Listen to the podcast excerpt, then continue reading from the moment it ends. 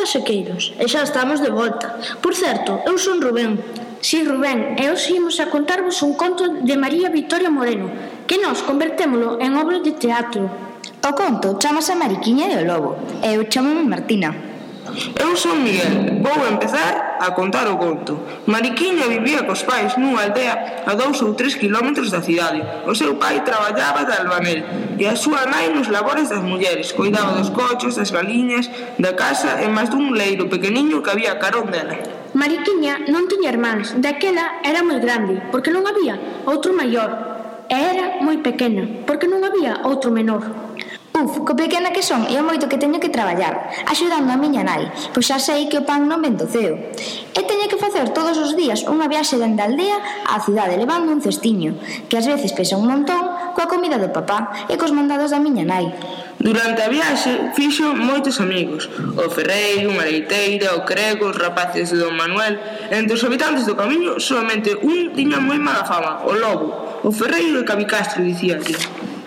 Cando remate este traballo, eiche facer un coitelo moi afiado para que poidas defenderte se topas un día co lobo.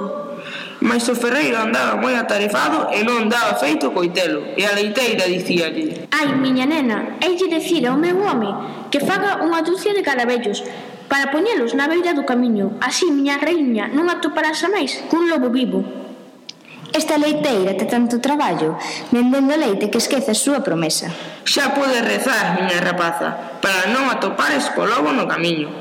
Eche moi turdi o lobo, miña nena. Eu non sei moito de lobos, xa que os confundo co demo. Has levar todos os días un coello vivo no cesto. Se atopas co lobo, botas o coello e arrepiolas. Mas non nos sabemos moito de lobos. Nin as bestas, nin as árboles criticaban xa máis do lobo. Non sei que facer con tantas recomendacións. Que faría eu se topo cun lobo? Ai, ai, que lóstrigos e que nubes máis negras. Teño cabelo e máis a roupa enchoupada. Ei chegar a xiña. Agárdame, miña nai. Botou unha ollada, eh? Anda, pero se si é unha cova. Aí estarei máis segura e poderei dormir un anaquiño. E cando esperte estarei menos alporizada. Boas noites, pequena bonita. Boas noites, meu amigo. Como te chamas? Eu non teño nome porque as xentes que dan nomes ás cousas non queren falar comigo. E logo? O can non quería dicir que era o lobo. Tens moito frío? Moito, meu amigo, moito. Eu non teño moito. Imo repartir a miña calor. Ai, ai, un lóstrego, que medo, ai. Non teñas medo, bonitinha. Se queres deixo a miña casa voume debaixo o carballo. Eu estou frito a frío. Eu estou moi ben contigo, amigo can. Por que choras logo? E por culpa dos lóstregos. Se falamos un poquinho, coido que vas perder o medo a todas as cousas do campo. Os lóstregos son tan fermosos na noite. Eu non entendo os homes. Saben facer de todo e se por iso que calqueira cousa. No meu povo só nos alporizamos cos nórdegos e cos lobos. A min me medo. Toliña, ti és meu amigo. Pois a verdade é que eu sou un lobo. Vasme comer neste intre? Non. Vasme guardar para logo o almorzo? Non, non. Na mañanciña iremos xuntos a buscar o almorzo ao campo. Mariquiña comprendeu que aquel lobo era moi bo. Secou as babas e deulle un bico entre as orellas.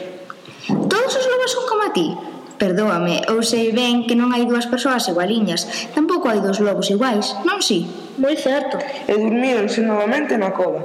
Os pais de Mariquiña e máis todos os veciños da aldea pasaron a noite toda nos camiños.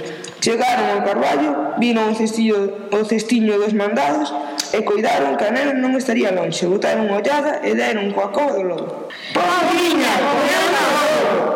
Colleron as escopetas, apuntaron para disparar. Ouviron un ouveo tristeiro. Foron ver e atoparon a mariquiña alporitada agarrada ao pescozo do lobo. Este lobo é mellor que a vos. Deixoume dormir na súa casa, quentoume co seu corpo, quitoume o medo dos lóstregos, e agora está ferido o pobriño. Non entendo nada. Compre darlle o mesmo garimo que el me deu a min durante toda a noite. Foronse cara a botica. Deme unha menciña e unhas vendas para curar a pata deste can. Garimoso, como me gusta este nome que me puxeron. Ai, que ven agora, que non vou só aos recados. Este amigo meu acompáñame todos os días. Hola, Mariquiña. Hola, Garimoso.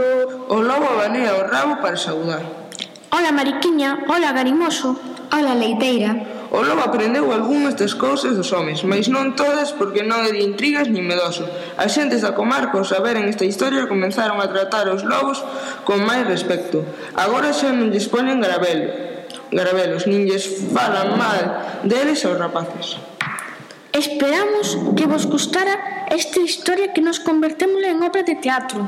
E se queredes escoitarnos, podedes facelo en bandaseca.es barra farangulo. E se queredes enviar unha mensaxe podedelo facer en falangullo@bandaseca.es.